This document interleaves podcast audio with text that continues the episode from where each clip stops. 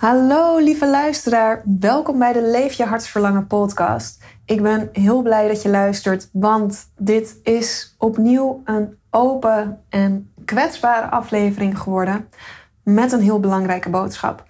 Deze aflevering is geïnspireerd op de fase waar de vloer onder je voeten lijkt te zakken in je bedrijf.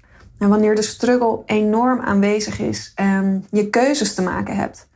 Maar welke keuze ga je maken en heb je te maken? Ik vertel vanuit mijn eigen ontwikkeling, maar ook wat ik bij mijn klanten zie gebeuren in deze fase waarbij groei en moed echt noodzakelijk zijn. Een eerlijke aflevering over wat het echt betekent om ondernemer te zijn. Let's go! Welkom bij de Leef je hartsverlangen podcast. Mijn naam is Nanda van Aalst van Mijn Storyteller. Het is mijn grootste passie mensen te motiveren en inspireren om hun hart te volgen. In deze podcast neem ik je mee op weg naar verbinding maken met jouw hart. Ontdekken wat jouw diepste hartsverlangen is en wat er nodig is om te gaan leven en werken vanuit wie jij in de kern bent. Zodat je het leven kiest waar jij gelukkig van wordt. Luister naar veel praktische tips en inspirerende verhalen. Let's go! Als je, net als ik, iemand bent die veel ondernemers volgt op Instagram, podcast van andere ondernemers luistert en ja, andermans content verslindt, om het zo maar even te noemen, dan zul je misschien af en toe bij jezelf denken: het ziet er voor hun allemaal zo moeiteloos uit. Het klinkt zo simpel. En je ziet stralende foto's voorbij komen. Je ziet de digital nomads die gaan en staan waar ze willen op de wereld. Je leest over hoe simpel je 10k per maand kan verdienen. En daar kun je jezelf helemaal in verliezen, in die content. In deze aflevering wil ik het met je hebben over wat er gebeurt wanneer je als ondernemer gaat groeien en wat het betekent om ondernemer te zijn. Laat ik met mezelf beginnen.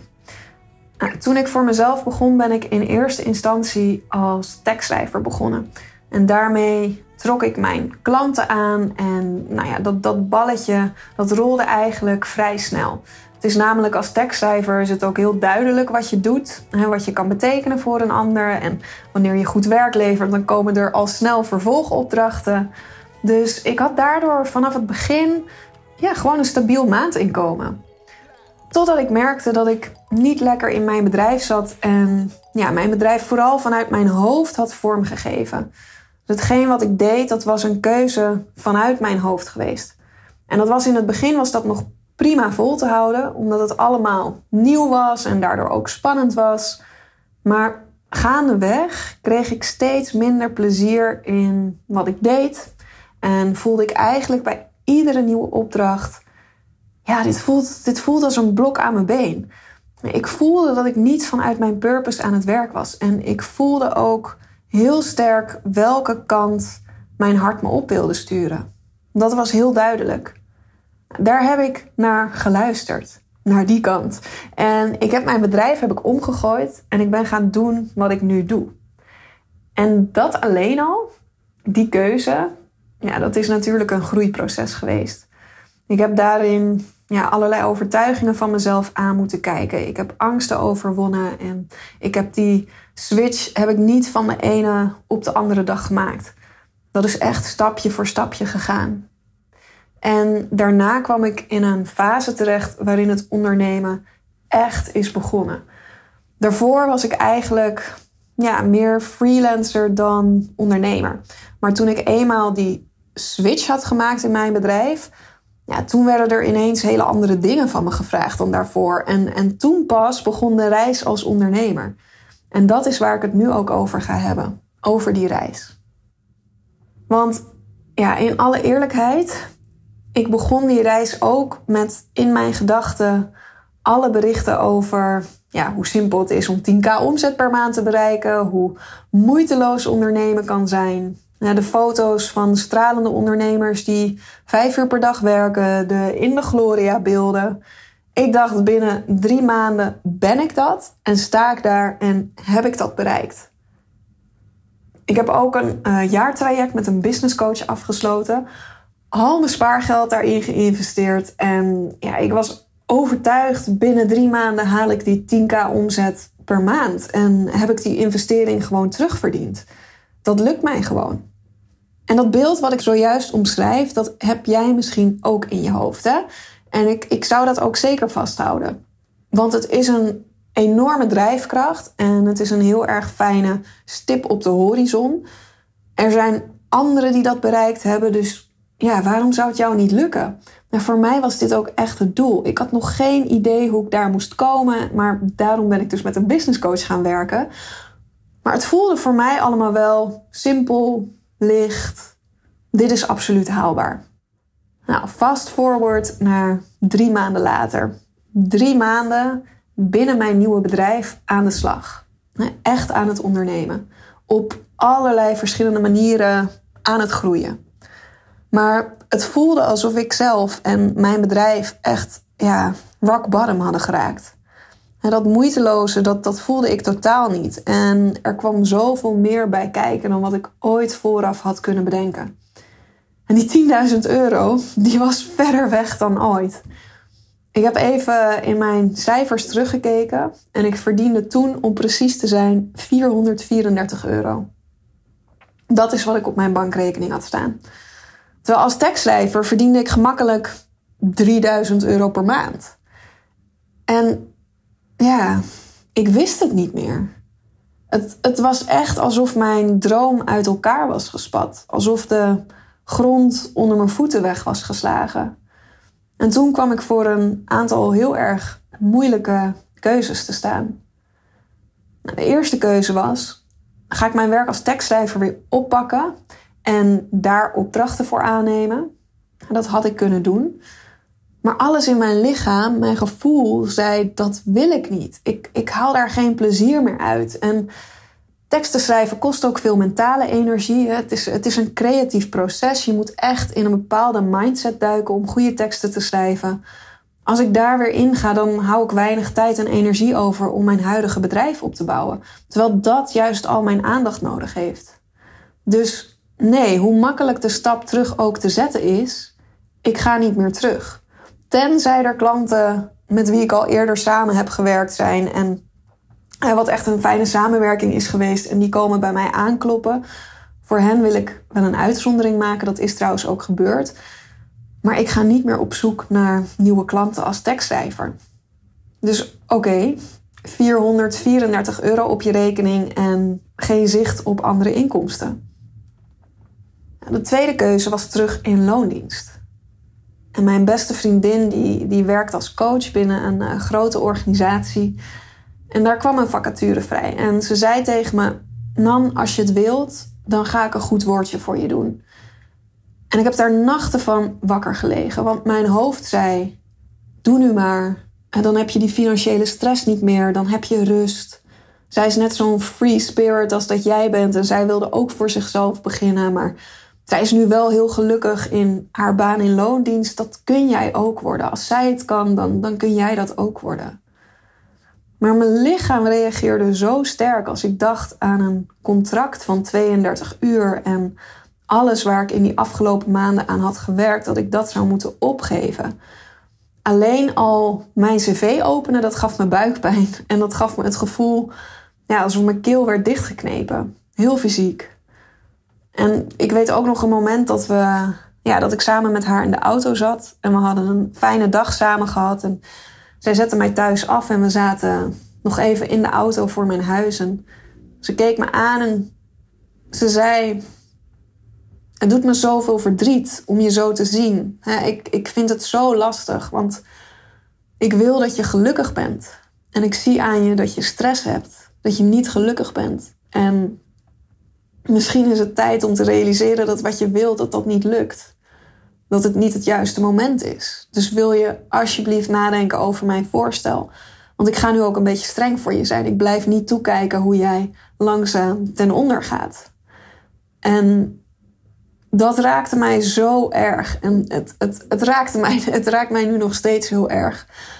Maar wat mij vooral raakte, dat was de zin: misschien is het tijd om te realiseren dat wat je wilt, dat dat niet lukt ik voelde de frustratie en, en de boosheid in me opkomen. En het eerste wat ik dacht was: ja, maar het gaat me wel lukken. ik, ik ben daar niet. Ik zit niet in de gedachte, dit gaat me niet lukken. Ik zit vast in, hoe gaat me dit lukken? Maar hell no dat ik mijn droom op ga geven. Dit, dit gaat me lukken. Dus 434 euro op mijn rekening. Geen uitzicht op andere inkomsten. Maar terug in loondienst. Hell no. Nou, de derde keuze die ik had te maken was: ga ik geld van mijn partner aannemen? En Bilal die, die zag de worsteling waar ik in zat natuurlijk van, van dichtbij. Die zag dat dagelijks, wat het met me deed. En waar ik hem eeuwig dankbaar voor ben, is dat opgeven in, in zijn gedachten ook echt niet voorkwam. En de momenten waarop ik mijn gevoelens uitsprak over eventueel terug naar een loondienstbaan, dan was zijn reactie: ja, maar ik ga je niet jouw droom op laten geven. Je werkt hier zo hard voor. Ik, ik zie hoeveel werk je verzet. Ik wil niet dat jij jouw droom opgeeft. En, en de mentale steun die hij heeft gegeven en het in mij blijven geloven, dat, dat was enorm. En dat was zo fijn. En hij bood toen ook aan om ja, een groot gedeelte van de financiële kosten die we hebben op zich te nemen. En hij zei ook altijd: ik, ik zal er echt voor zorgen dat je een dak boven je hoofd blijft houden en dat er eten op tafel staat. Daar, daar hoef je je geen zorgen over te maken. Maar afhankelijk zijn van iemand, oei oei oei. Dat vind ik heel lastig en dat vind ik een heel naar gevoel. Ook gezien het feit dat Bilal zelf freelancer is. Hij is onder andere professioneel danser. Nou, we weten allemaal hoe de cultuursector geleden heeft en nog steeds leidt dankzij corona. Dus het voelde voor mij ook, ook niet goed om mee te leven op zijn hardverdiende centjes. En dat voelde gewoon niet oké. Maar goed, 434 euro op de bankrekening en geen zicht op nieuwe inkomsten. En achter de schermen was ik overigens was ik nog steeds keihard bezig binnen mijn bedrijf. Hè? Maar ik wist dat het allemaal tijd nodig zou hebben. Het was heel veel zaaien, heel veel bouwen, heel veel opzetten. Zoveel werk verzetten. Voordat ik er daadwerkelijk de vruchten van kon plukken. En natuurlijk ook steeds erop blijven vertrouwen dat dit uiteindelijk ging gebeuren. Dat ik de vruchten er uiteindelijk van zou kunnen plukken. Dus ik was heel hard aan het werk aan mijn droom, maar tegelijkertijd was er ook de keiharde realiteit waar ik mee had te dealen. En op een gegeven moment had ik een gesprek met mijn ouders. Zij hadden Bilal en mij een, een financieel aanbod gedaan, wat eigenlijk ging over groter wonen. Wat we allebei hebben afgeslagen. Ah, wij houden er allebei namelijk niet van om afhankelijk te zijn of om boven onze standaard te gaan leven. We wonen ook super fijn in een hofjeswoning. Ja, het is klein voor twee personen, maar de sfeer en de omgeving, dat, dat past 100% bij wie wij zijn. Dus we hadden dat aanbod hadden we afgeslagen. En die nacht lag ik wakker en ja, ik begon opnieuw te malen en, en te piekeren. Mijn ouders die zeggen namelijk wel vaker Waarom vind jij het nou zo moeilijk om gewoon om hulp te vragen? vraag het gewoon. We helpen met liefde. En ja, ook toen we dat, dat financiële aanbod afsloegen. Kijk, mijn, mijn ouders die, die zijn met pensioen. die hebben een, een heel normale baan gehad. Die hebben gewoon gemiddeld inkomen gehad. Maar ik ben enig kind. Dus dat scheelt aanzienlijk in wat je uitgeeft. En ze zijn onwijs goed met geld. En nadenken over de toekomst, sparen. Het geld ook gewoon durven laten rollen en genieten. En dat heb ik, dat heb ik echt vanuit huis meegekregen. En ik weet nog toen we dat financiële aanbod afsloegen, dat ze echt zoiets hadden van. Ja, een, een beetje beteuterd keken en, en zoiets hadden van: jeetje, we, we willen zo graag helpen, we willen dit zo graag geven. Wij hebben alles, we genieten van ons pensioen, we hebben genoeg. We willen kunnen delen en je laten meegenieten, maar het mag niet. En die nacht dacht ik, ja, potverdorie nan, de hulp wordt je eigenlijk gewoon met liefde aangeboden. Maar je wilt zo graag je trots behouden en je wilt zo graag laten zien dat je het allemaal zelf kan. Terwijl die koppigheid kan er straks ook voor zorgen dat het echt einde verhaal is. Omdat je jezelf nu zo gaat uitputten om maar de financiële eindjes aan elkaar te knopen. En die energie doet je bedrijf juist geen goed. Er, er is geen ademruimte. Dus de volgende dag heb ik mijn ouders verteld. En ja, dat was ook een van de moeilijkste dingen die ik heb moeten doen. Want het voelde ergens toch ook als falen dat ik dit moest doen. Maar ik heb mijn ouders verteld: als jullie echt graag een financiële bijdrage willen doen, dan zou het heel fijn zijn als jullie voor een paar maanden boodschappengeld over kunnen maken. Een vol maand salaris, dat, dat wilde ik echt niet. Maar geld om boodschappen te kunnen doen, dat geeft alweer iets meer lucht. En ja, daar kan ik dan nog wel mee leven, ook om, om dat te vragen.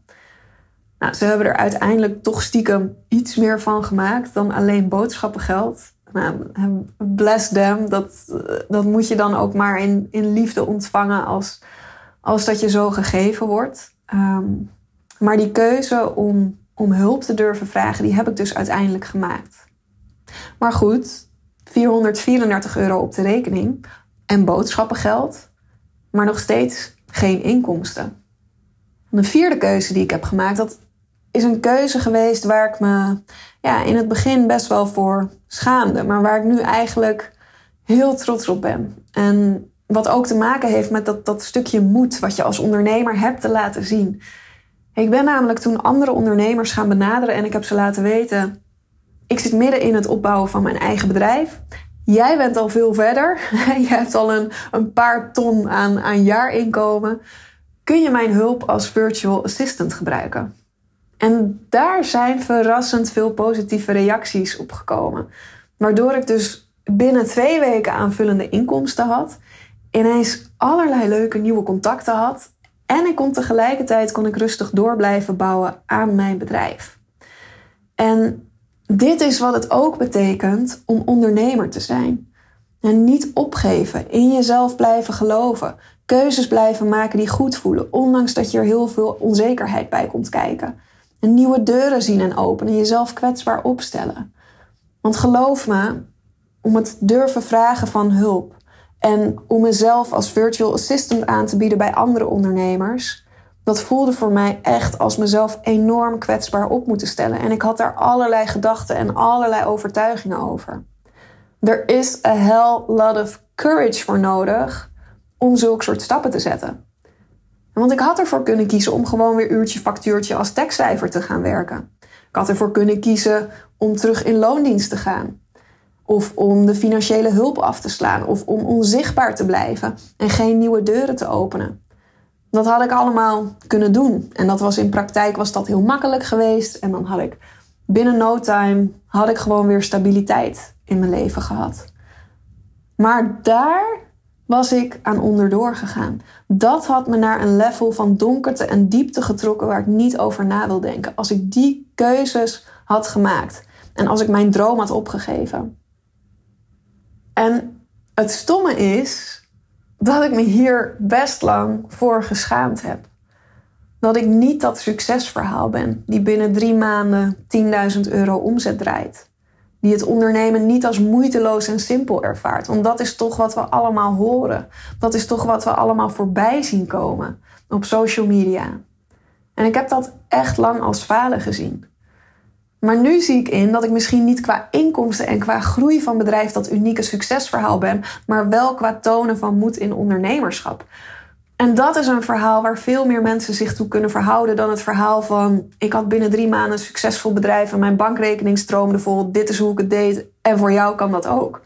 Dat is wat we allemaal willen, maar is voor een lucky few de realiteit.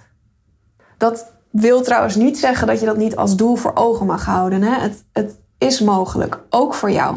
Dit heeft mij ook de drive gegeven om door te blijven gaan. Omdat ik weet wat er allemaal mogelijk is. Omdat ik weet dat ik het in me heb om mijn droom van een succesvol bedrijf en alle mensen die ik kan gaan helpen om dat realiteit te maken. Maar ik weet inmiddels ook hoe de reis daar naartoe er voor veel uitziet. En wat er nodig is om vol te blijven houden, om die moed te kunnen tonen. En ja, eerlijk is eerlijk, doordat ik dit zelf allemaal zo meemaak, ik geloof 100% dat dit me daardoor een veel betere coach maakt. En de vrouwen die ik begeleid naar hun eigen business vanuit purpose, die begeleid ik naar hun droom, terwijl ik ze ook voorbereid op de realiteit. Zodat als het nodig is, ze de moed hebben om de juiste stappen te zetten. En zodat als het nodig is, ze de moed hebben om niet op te geven, maar door te zetten. Dus ja, dat is wat voor mij ondernemen is. Het gaat voor mij veel meer om het laten zien van moed dan het laten zien van je jaarrekening. Dat is dus de boodschap die ik je ook voor vandaag mee wil geven in deze aflevering. En ja, het voelt voor mij ook eigenlijk een beetje, het klinkt misschien heel gek, maar het voelt bijna een beetje als een soort coming out of iets dergelijks. Ehm, maar terwijl ik deze aflevering ook opneem, merk ik ook dat ja, het emotioneert me nog steeds. En het maakt me zo ongelooflijk trots op de weg die ik heb afgelegd, de weg die ik nog steeds bewandel, de moed die ik nog steeds toon en het blijven gaan voor mijn droom, het niet opgeven en het wordt beloond. Dat is ook wat ik je mee wil geven, echt, het wordt beloond. Goed, hierbij ga ik het laten. Heel erg bedankt voor het luisteren. Super fijn dat je hebt geluisterd. Ik ben heel erg benieuwd wat je aan deze aflevering hebt gehad. Laat me dat vooral weten, want ja, dat geeft mij ook weer inspiratie voor het maken van nieuwe afleveringen. En ehm, ja, leuk ook om van je te horen. Dat mag via mijn Instagram-account. Je vindt me via mijn storyteller. Laat me vooral een berichtje, stuur me een berichtje, laat een berichtje achter. Ik vind het leuk om uh, via dat kanaal met je in gesprek te gaan. En mocht je de podcastaflevering via iTunes luisteren, je zou mij enorm helpen als je de aflevering een review wilt geven. Dat kan al heel simpel door gewoon op het aantal sterren te klikken wat jij deze podcast waard vindt. Maar hoe meer reviews de podcast ontvangt, hoe beter die vindbaar wordt voor mensen. En dat is natuurlijk wat ik het liefste wil. ik zou het liefst zou ik zoveel mogelijk mensen willen bereiken met deze podcast. Dus dank je wel daarvoor als je een review achterlaat. En volgende week ben ik weer bij je terug. Dan kom ik met een nieuwe aflevering. En uh, voor nu wens ik je een hele fijne dag of een hele fijne avond. Tot volgende week. Doei doei!